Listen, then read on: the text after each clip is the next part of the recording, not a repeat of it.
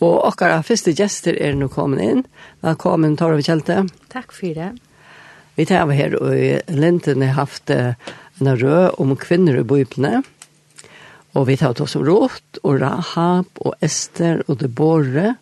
Og i det har vi ta oss om Marie Magdalene. Og tar har vi spurt Tore om, om du kunne se sin drøm. Ja. Ja, jeg vet ikke, vi får løpe løypa beint ut og spyrde Tora, hver var Maria Magdalena? Maria Magdalena er nevnt florifer i skriftene, men allukal vidar vi ikke så nekv om henne. Det er ganske nok så særstakt. Og hvis man skal sige, altså, jeg har gjort denne sånne fulltida overskrift, iver hver hun er. Å ja. Altså, helt stort kan man si at hun fikk nytt liv, hun fikk nytt av vevn, og hun var satt og hørt og virkjent, Hun var troføst, og hun tante vi tog som hun åtte, og var virkjent i tjenestene.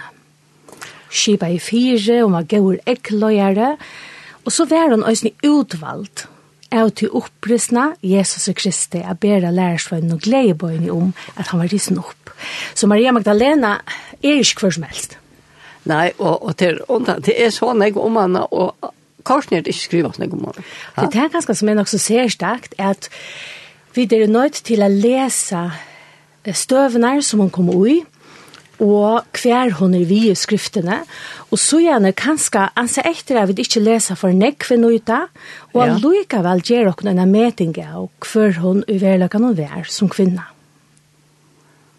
Ja, at her tror jeg at uh, man har nek om et her, at hun uh, møtte Jesus, og, og han drev seg til andre annet av ja. Det er nok okay. den første som man har i rommene. Men det er ikke nek skrive om det. Nei, og jeg halte i øyne at vi øya, da vi tås om kvinner i bøyplene, så sutja vi der ofta vi okkara eion, og til samfunnet som vi bygger og det, og til overhøver det som er skriva i bøyplene, at vi sutja der vi okkara eion, og jeg halte det tjener åkken alltid, er færre atter, og i togina, og sutja omstøvnar ta, som følgende, det som vi lærer å kjenne i bøyplene, eh, levde under det her omstøvner. Og jeg halte øyne av å ta vi her, at det er ikke nok at kvinner alt og heva, og enn strujast vi er at vi er der vi sunne uborne tign. Og øyne er vi er satt der så løs som vi det verlaga noen er. Jeg vet ikke alltid skulle passe inn, for jeg vera gautiknar.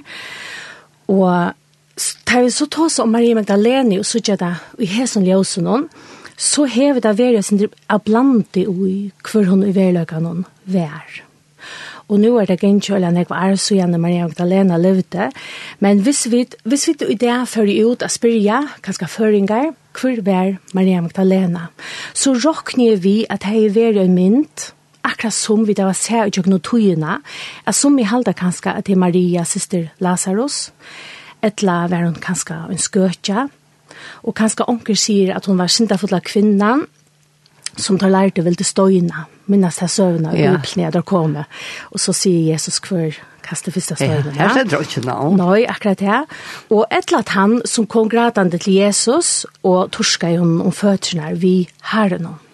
Og jeg husker ikke, Hugs ikkje Maria Magdalena er nøkker av tøymon, og det er sjåan det er størst granskingar er på i gjørst, og i halde det er undertøka.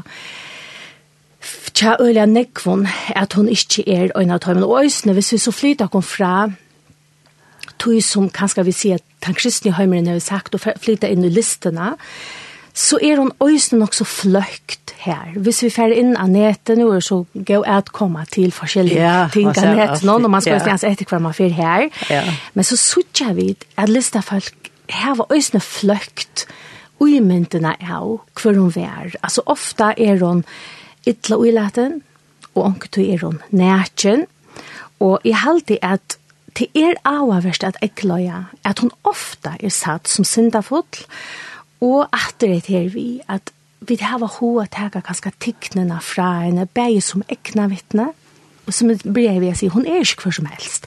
Hun er ekna, ekna vittne, og hun er kattla av Jesus til tjeneste. Ja. Og hun tjener. Og hun tjener. Ja. Og jeg halte lykka, jeg jeg fortsetter lykka vis ned til vi kommer fram i akkurat tog, så sitter vi bæg i Da Vinci Code, her som hun vil gifte Jesus og til få familie, ja. og øyne i Jesus Christ Superstar, her som hun atter skøtja. Så hon släpper inte ordla undan henne ner. Hon får inte rista av sig att hon inte er den her kvinnan som hever livat. Og synd som vi tog seg det. Ja, men her tanker vi, men det ständer hon kanske. Och på ibland. og til akkurat det som er mestesverst, halde jeg, at vi, og det hadde öjre ganske øyne, jag lära oss hvordan vi bäg, hvordan vi leser biblarna, og øyne, det som vi höra atter og atter, det er ikke vurst at det passar det som vi høyra. Jeg vil sjolve færa atter i bøyplina og spyrir okken sjolve, hva er det verlige som bøyplina sier om det som vi lesa? Nu tås du eisen om list og så, det man ser til avvirskar okken, jeg tror sutja det. Ja, til avvirskar okken, og eisne vi tæva kanska, og det er så nekv, altså det er så etkommeligt, ja. vitan og det som vi sutja, er vi skulle være øyelig oppså på hva det er som vi tækka til okken. Ja, ja Ja. Det må vi være. Og jeg husker jeg sånn Maria Magdalena, og tog ned fra Magdala.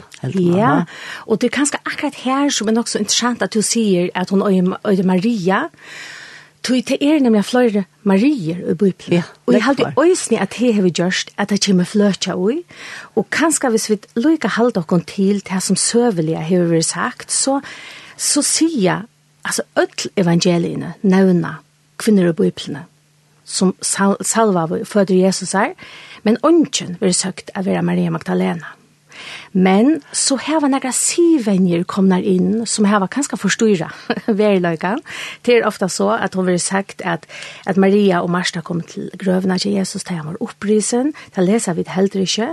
Og så, altså, nekk for vi gjørs til at til dømes er det kommet blant i Maria Magdalene og Marie Urpetania til dem som var syster, Marie ja. og Lazarus.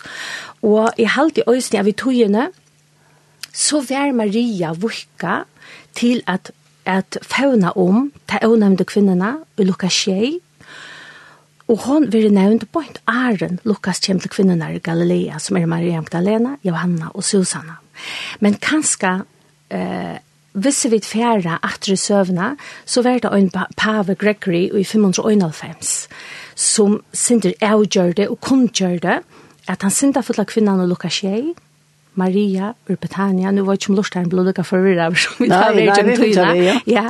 Men at han sier til at sinda fulla kvinnan og lukka tjei, og Maria ur Betania, og Maria Magdalena, vært han saman.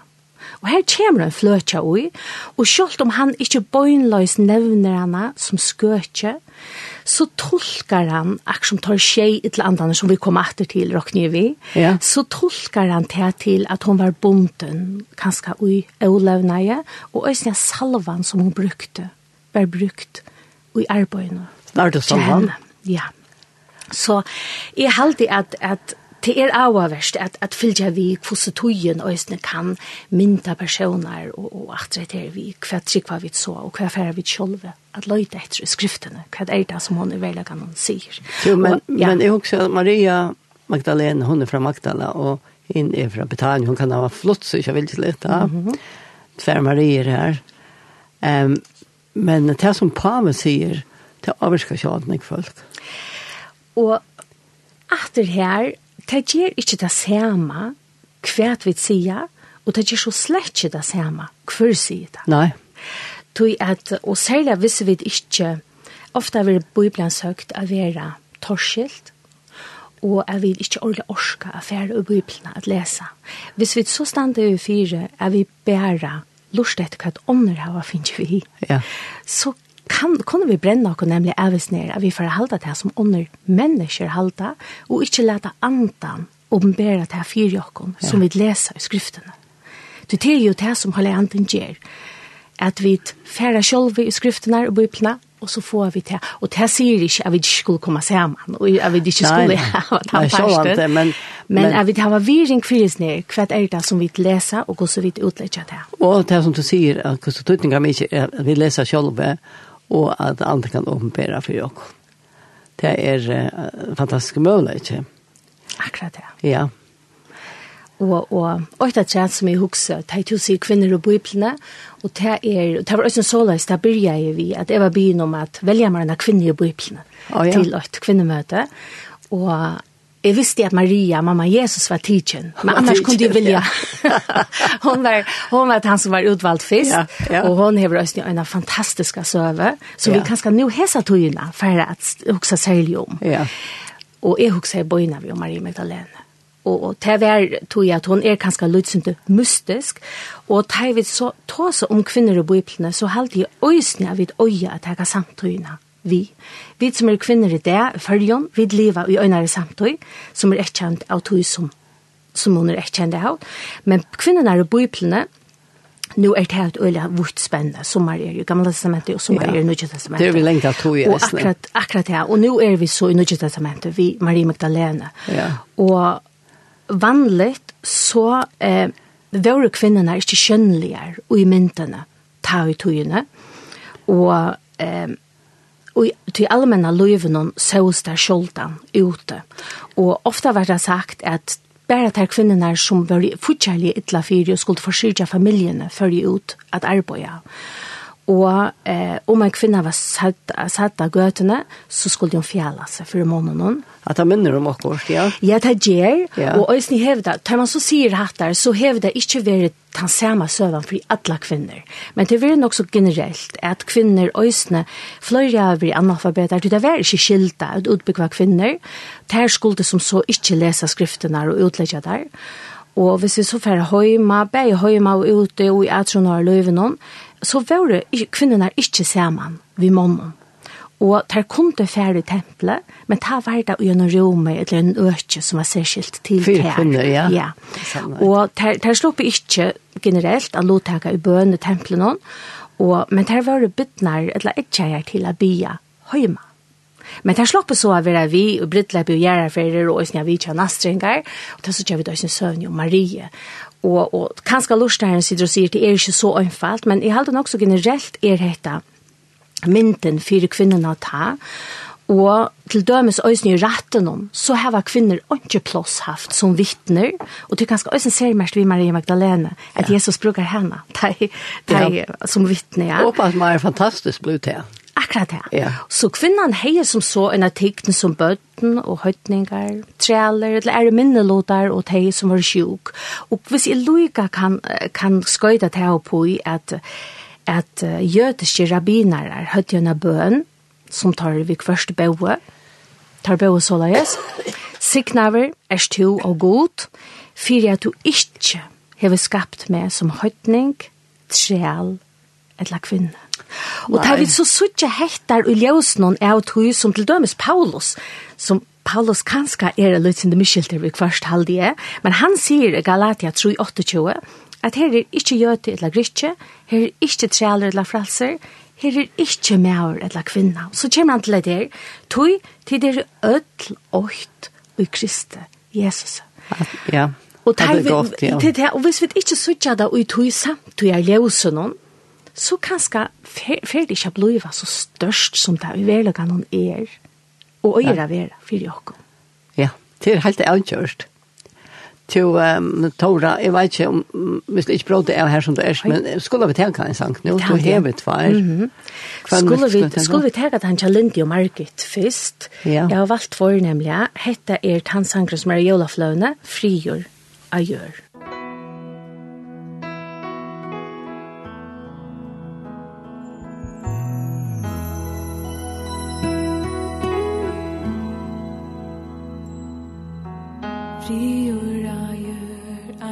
Nashun kohot Ta vestu jola not Frelsaren Kristus fødder er Og glede på til hjärstone ta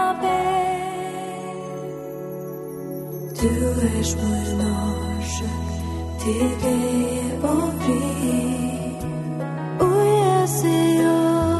często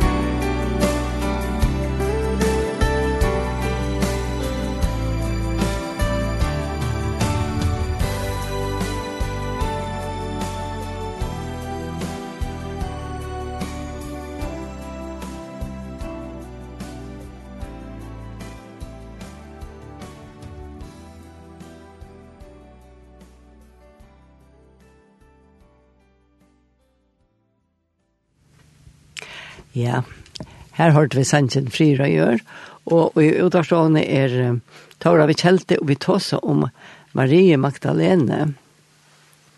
Og eisne har vi finnes jeg sindra vite om, og samband vi beie vi list og søvende. Um, Maria Magdalena, så det var ikke noe skriv om henne, men alle kan få et ordentlig inntrykk av henne i Bibelen. Hun var øyelig, ja.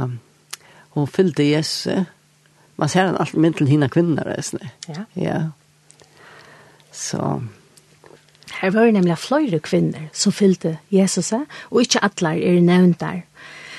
Og som er bare nevnt der nægra fer. Men Maria må være vandet navn. Du ja, tenker hva som heter Maria. Ja, akkurat det. Du kan da bløse til fløytjøs litt. Akkurat det, ja som kanskje øyne kommer ur ødel nesten Miriam nøvnen og ur begamla testamentet. Og, ja. Så det er veldig øyelig vanligt. Ja. Akkurat slag av Maria. Så det er ikke så løye kanskje at vi fløtjast det senter. Mm -hmm. Ja, Og det som jeg husker i øsene, nå har vi akkurat hørt Linde og, og Margit Sundtje, frelseren Kristus føtter er og glede på til gjørstene, ta ber. Og det gjør det jo øsene i det, i 2022, i førjen. Ja. Og hvis vi så færre atter til det togene, til Maria Magdalena, hever oppleva hettar og leva som kvinna og gjennom samfunnet, her som kvinnan ikkje hei et naturligt plås, virkje plås i samfunnet.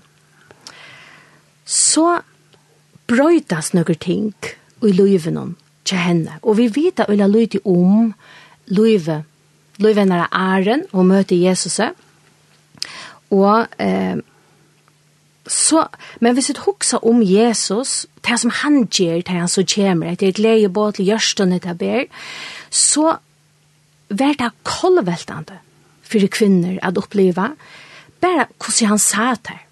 Ja. Tar vi da tås om et her, om, om, om løygloten til kvinnerne, så ser Jesus kvinnerne. Og han reist unga, og så kan vi si at Jesus er jo god. han er ikke nøyot av. Men han er jo en fyrement, og han reist unga, og han møtte ødlån, hver en ønstøkken, her som teg vore. Det var ikke vi at han, han sier, jeg kan ikke møte det her, du to er så. Ha? Og han bjøver eh, begge samtøyene, og også øsne vanlige syvenjen om av. Øsne, hvordan skriftlærde, lødde, skriften her ut og yeah. løse det her. Jeg synes det er provokerende kanskje for noen av det. Ja. Jeg husker det her, og det er ikke løye kanskje at det ender vi at han bare vilja krossfeste han. Han er simpelthen for ringer av vi er gjerne.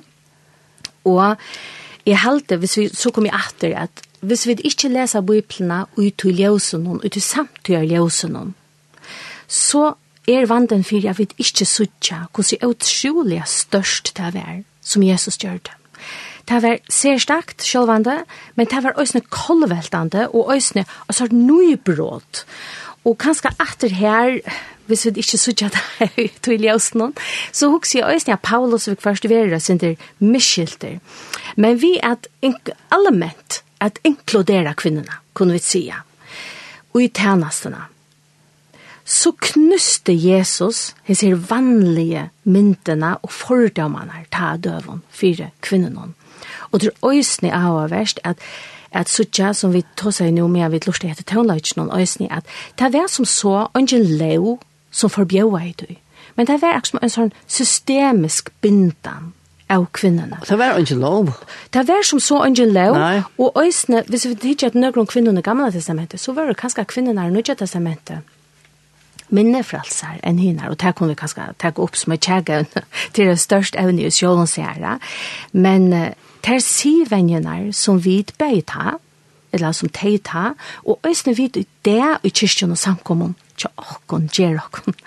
Jeg halte jeg vidt øya er vera øyla eimjuk iver fire tui, som ikkje stende skriva, men som er blivet til sivenjer i middelen folk, og øyne ting som er endertidgen, atter, og atter. Og Jesus bjøver så ødlom hesun av. Ja, det er helt fantastisk. Så ikke hvordan han um, fer vi kvinner, hvordan han lykker vi ødl. Ja, og eisen det som er djupsokna. Vi vet at det er det skulle steina disse kvinnerne, så Jesus um, reagerer på at det er han som er uh, syndafru, han kaster første steinen. Ja. Og alle veien jøkkenen. Så att det er fantastiskt å ha haft Jesus som firmynd i samband med hvordan kvinner har vært där. Akkurat det. Ja. Og hvis vi så øysen tenker at vi er vi er Jesus, han bjør i ødlom lære. Han sier ikke ja. at dette er særstakt for menn, etla for nøker av tikkene. Men han bjør begge kvinnen og mannen lære. Og vi kjenner at øysen tenker han møtte kvinnene ved Sikarsbrunn, en døylig søve, at lærersvennene kom etter, og tar hoksa hva skjer Jag hade emot i ötlån. Alltså, ja. för det första är hon samversk ja. och så är hon kvinna. Og tar skilja ikkje heitar, og øysne, tar vi der inne i høymnen til Lazarus og Maria og Marste, tar vi Maria sett seg ved føder Jesus her. Vi halde til er avavers, det som henter her, og, og vi kunne kanskje huksa, at det virker ikke flåslet at Maria har sett seg ved fødene til Jesus. Men ja. Jesus kører han ikke borster. Nei. Han sier, ikke fær til å gjøre det som to er å gjøre, han lät henne sitta. Ja. Och han lät henne sitta här och lära det som han vill säga. Ja. Och så kunde vi läsa det här i Novita. Jag vet att hon har valt en gåva låter. Akkurat det. Jag sitter, ja. Och att han vill brinja henne till det som kommer att möta Toimon. Och sen så att hon är för för själv att mäta om vad det är rätt och vad det är skövt. Så her er det flere brikter og i halde jeg, og øsne vi sier venjon som er i avhver der øsne at det jeg etter i akkurat samfunnet. Ja. I det. Mm. Jo, men hvis vi inte, nu vet jeg ikke hva det var annars är her på, men vi, hvis vi finner ikke uh, Marie Magdalene så, um, så, så, så stod hon här vi, hvis vi kommer helt till krossen, men det kanske är låp. nei, nei. Ikke, Ja. Um, stod hon här vid krossen samma vi mamma Jessa og Marie og flere Marie. Altså man ser henne och hon är till styr alle stedene, ja. Akkurat, ja. Og hvis vi lukka færa atter til støvene som Maria Magdalena hever vi ui, vi kunne hugsa at hon var bonden av tjei ytlun andon. Ja. Det sier Beie Marskos og Lukas, Og vi får ikke vite hva det er. Og hvis vi fer i kjelder, imenska kjelder, så er det nekva kjelder som sier alt møvelig. Og det er nekva utleggingar av hva det er vi mest.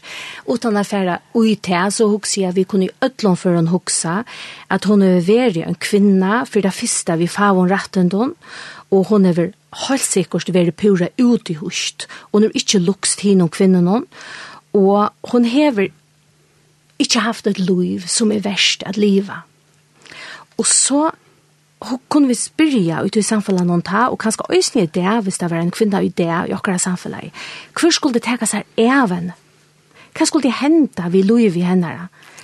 Vi har som tjej ytterlig Antonon. Og så og si at freisen er fullkomelig vevnleisa loje noen som Maria Magdalena har vært i så kommer Jesus her. Og han gjør atlan månen. Og vi vet ikke heller hvordan Jesus grødde henne. Nei, nei, det stender ikke om det, Akkurat, ja. det hendte. Så det Men vi vet at det, at til henne brøttest fullkomelig. Ja. Og jeg og tog var hun øsne fra tog jeg var ute i husht ved skje et eller annet om far og retten og ikke liv, og faktisk unga møyning i livet hun så blir dette et liv i karløyga og hun føler at elska tog hun vær elska. Og hon er saman med Jesus og ferast vi honom, og hon brukar òsni avsun og tilfangje. Så hon er kanska vere, ikkje, hon er vere kanska rymeliga vel fire, og hon gav rykliga av tilfangje ja. søgn og stendt i tjenestene. Ja. ja. Og så kunne vi òsni skøyda til på, som tog nemlig kjemmer inn av, ja. at hon var vi honom ur Galilea til Jerusalem. Og hon sa han dødja, og hver han var gravlagter, ja. hon sa han opprystna, og øysni hon seie øron fra hva hon heie se. Så alt dette vånløse var knapplega fyllt vi vån, og hon gjever tog i løyvetjessar fullt ut i tjeneste, saman vi Jesus. Ja, du, det stender eisne at hon sier at utanfor grøvna. Ja. Og i halde æren vi koma til det, så kunne vi lukka teka til Jesus så, ver hun har sikkert oppleva det, at hun eh, er kommet til Jerusalem ved Jesus, og hun har òsne oppleva han er blevet og hun oppleva han er gynt ut av Golgata, og hun er steg ved krossen, sammen vi mamma Jesus, ja. ved krossen. Ja. Og det er et, et fint evne at oss om vi kross Kristus er. Ja? Og, og så hever hun òsne eh, oppleva det, at lika med tja Jesus var tidsi nir av krossen. Og her kommer vi inn av Jesus, ur Josef ur Armatia, og, og, og Nicodemus, som vi kjenner fra Johannes 3, 16. Ja, ja. Han kommer til Jesus han nått ja, ja. og Jesus sier så at du så elskar jeg god høymen, at han gav sånn sin øynbarna, for jeg kvørt han som tror han, ikke skal fortapas, men her av et liv». Og nå standa tar her, vi Jesus som er deir av krossen.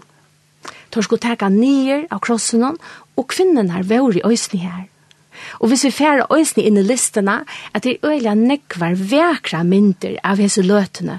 Ta Josef ur Mattea, som var en lærersvøyner, og han fær løgnelige for i øtta fra jøtene, til Pilatus og sier, kan jeg ikke få lika med Jesus her? Ja.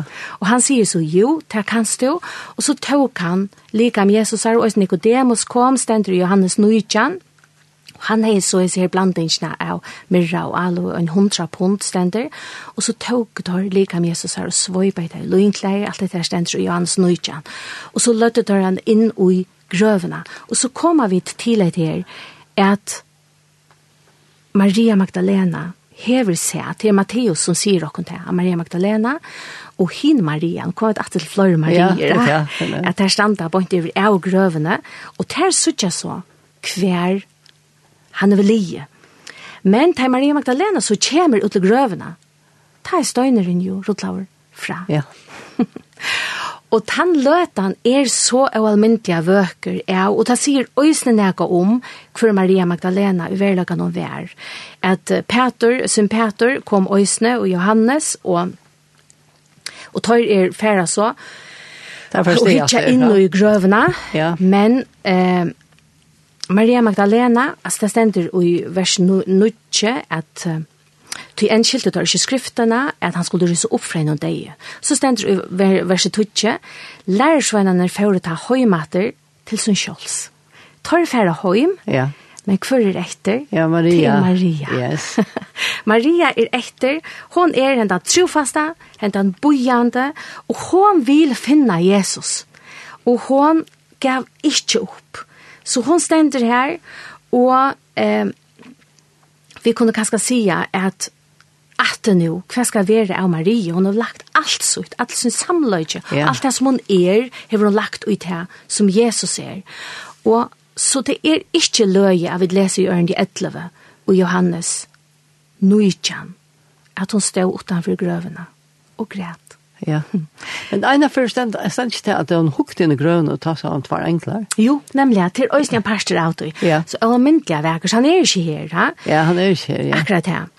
Og, og at han er til, så sier hun faktisk her at at hun stod utanför grøvene og græt, og som hun græt bøkte hun seg ned og hukte inn i grøvene. Ja, till hatt det. Ja, hatt det.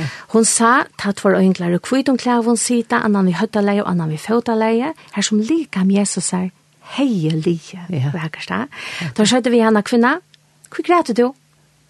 Hon hei kanska, vet ikke, vi kan kanska huksa, hever hon ikkje lustan av vel etter Jesus, eller hever hon ikke skilt, og hon hever kanska, det er kanska, vi okkar er om vi vita hver enden vi er. Ja, det hadde ikkje vært latta skilja, altså. Øyelige torskilt, ja, ja. ja. Og hon sverre til hon, tar var tidsi herra min. Ja. og jeg vet ikke hver der var lagt han.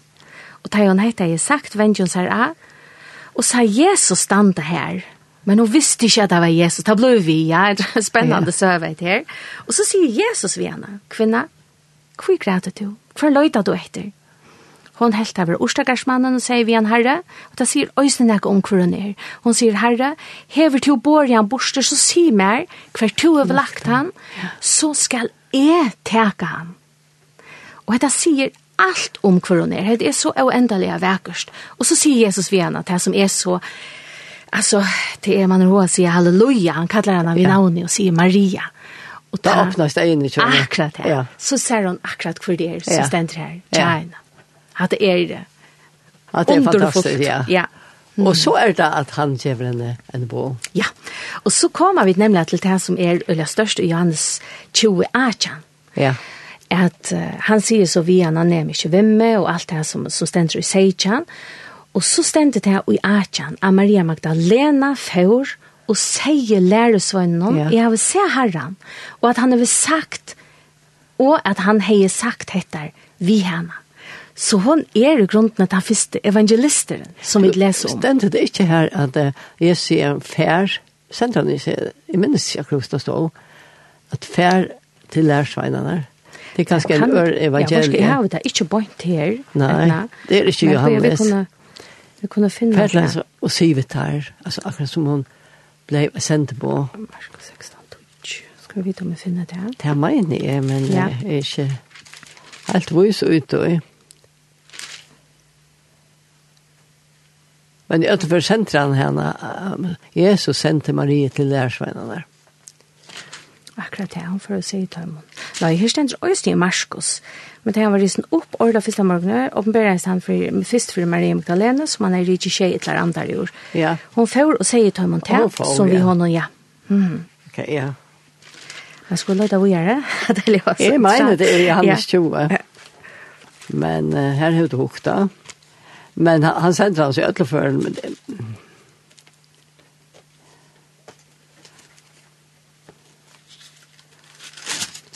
i öllum ferron kunne vi sutja til at gleden om det som hun opplevde sprujtjer ut ur henne, og hun kan ikke annet. Den sender som tar jo kvinnan vi Sigarsbron, Øysnefer, og setter krukkene til Øysnefdal. Ja, du er jo det her. Ja, du er jo han, og jeg ikke annet, altså, det er Jesse og Maria, og og hun reagerer og ser at det er Raboni, og jeg sier jo, jeg nevner ikke hvem jeg er, ikke en færen og klimmas til færen. Nei, færen til brøv og syvet der. At det er færen og til. Ja. Fantastisk. Ja, helt fantastisk. ja. Så, her sendte Jesus en kvinne sted. Vi gleder på han første som kom i gleder på Ja, han første som kommer i gleder på om at Jesus er risen opp. Ja. Og det var ikke lyd kaos i middelen tør som ikke visste hva han var færen. Jeg færen løyta, og, og takk om vi døysen bare ta som en annan der. Ja. Eh, og kanskje ut fra søvende, til Marie Magdalene, vi kunne lære negv om henne, og hvis vi så dreia en tra inn i okkara samfunnet der, så vidar vi at Haktul sier at kvinner strujast. Ja. Yeah hva er det som gjør at vi, uh, at det særlig unge kvinner i det som strujast, kunne vi ikke finne noe i søvn om Marie Magdalena, at hun var satt og hørt og virkjent av Jesus Kristus. At vi som kvinner tar det til oss, ja. og i det, og i okkara samfunnet. Og øyne er vi som er kanskje eldre kvinner, eh, læra okkara døter, og det som er yngre enn vit, hver kvillan at vera tann som vit ere ligger. Hon ligger nemlig oi hesson at vit ere gau nok så løy som vit er. Go teaching, ja. Akkurat vit er go teaching, ja. og òsne vi er kjent av Jesus. Ja. At vi som jeg har er kommet til trygg, nå vet jeg ikke når jeg ble frelst, men jeg har vi alltid eh, hårst båskapen om Jesus, og jeg har tullja tidsi han til morgen, og han er faktisk veri en, en pastor av, han er veri en pastor av ötlundtøy som jeg har, eh, jeg har alltid haft han vimmar, ja. og øysen til man så er en kvinna som kanskje ikke passar inn alltid, og tar man ser det lutsen til ørvis ut, øysen som kvinna, og i det, nå blir jeg brek, og kanskje, hevet her veri en, det vil ikke være en så øyla bevuster parster av meg, men jeg halte eldre jeg blive, så er det å være ørvise, alltid en sånn parster som vi bæra vi okkon, og til er så vikfant økje ui okkara luive, at vi ikke ja. ordentlig passe inn, vi er ikke luika som åndra, og jeg halte at jeg, også så smagjenta og ung, fann faktisk en sånn trost ui, at vera virkjent, akkurat så som er vær. Ja. Og sjålan til vi også opplevd at han karløkken og høymannen fra og øysen søttene vi, vi familie og vinen og og ødlån tog, ja. Og til over øysen i øyla større parst, eller større tøytning for, for loivokkere, at vi er i samme vi følte som vi kjenner noen. Men til at det her var takk goddommelig vi kjenner Ja, det er alt det avgjørende. det er ja. Ser stakt. Det er særstakt, ja. ja. Mm -hmm. Ja, vi får enda vi hesten årene. Takk for det, Tora, at du kom til. Selv takk for det. Ja. Og her var sikkert du en arbeid, jeg Ja, Du så arbeidet fullt arbeid, jeg snitt. Ja, takk for det, ja. og jeg som tikkere arbeid. Ja, takk for det, ja. Så får vi til høyre en sang, jeg vet ikke om vi tar henne kring klaren. Eh, jo, vi får en dag av Chris Rodriguez, Mary Magdalene. Va cubierta entre neblinas Magdalena con ansias en su ser se acerca para ver. Pregunta dónde se halla mi maestro aquel que tanta vida dio. Por qué estás llorando Magdalena?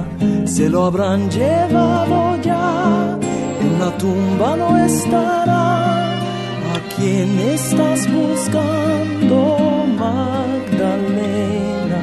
Al que crucificado fue Oh mujer de poca fe No dudes Él prometió vencer La muerte con poder Él no te desamparará ¿No crees tú que Él es Señor?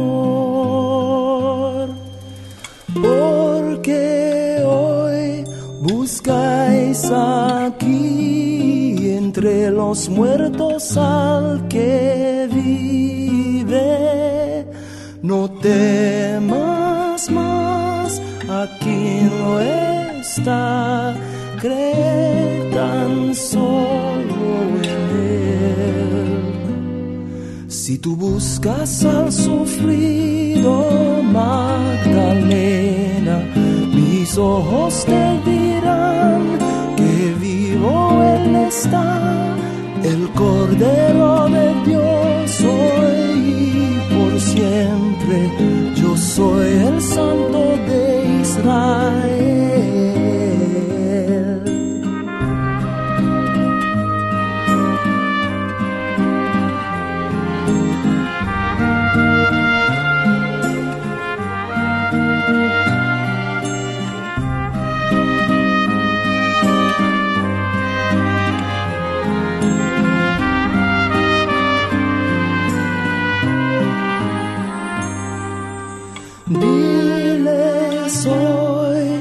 quiero estoy vivo y con poder el vencedor hijo de Dios el Cristo y el Señor. Porque estás llorando Magdalena se lo habrán llevado ya en la tumba no estará. Yo soy a quien tú buscas, Magdalena, la vida y la resurrección.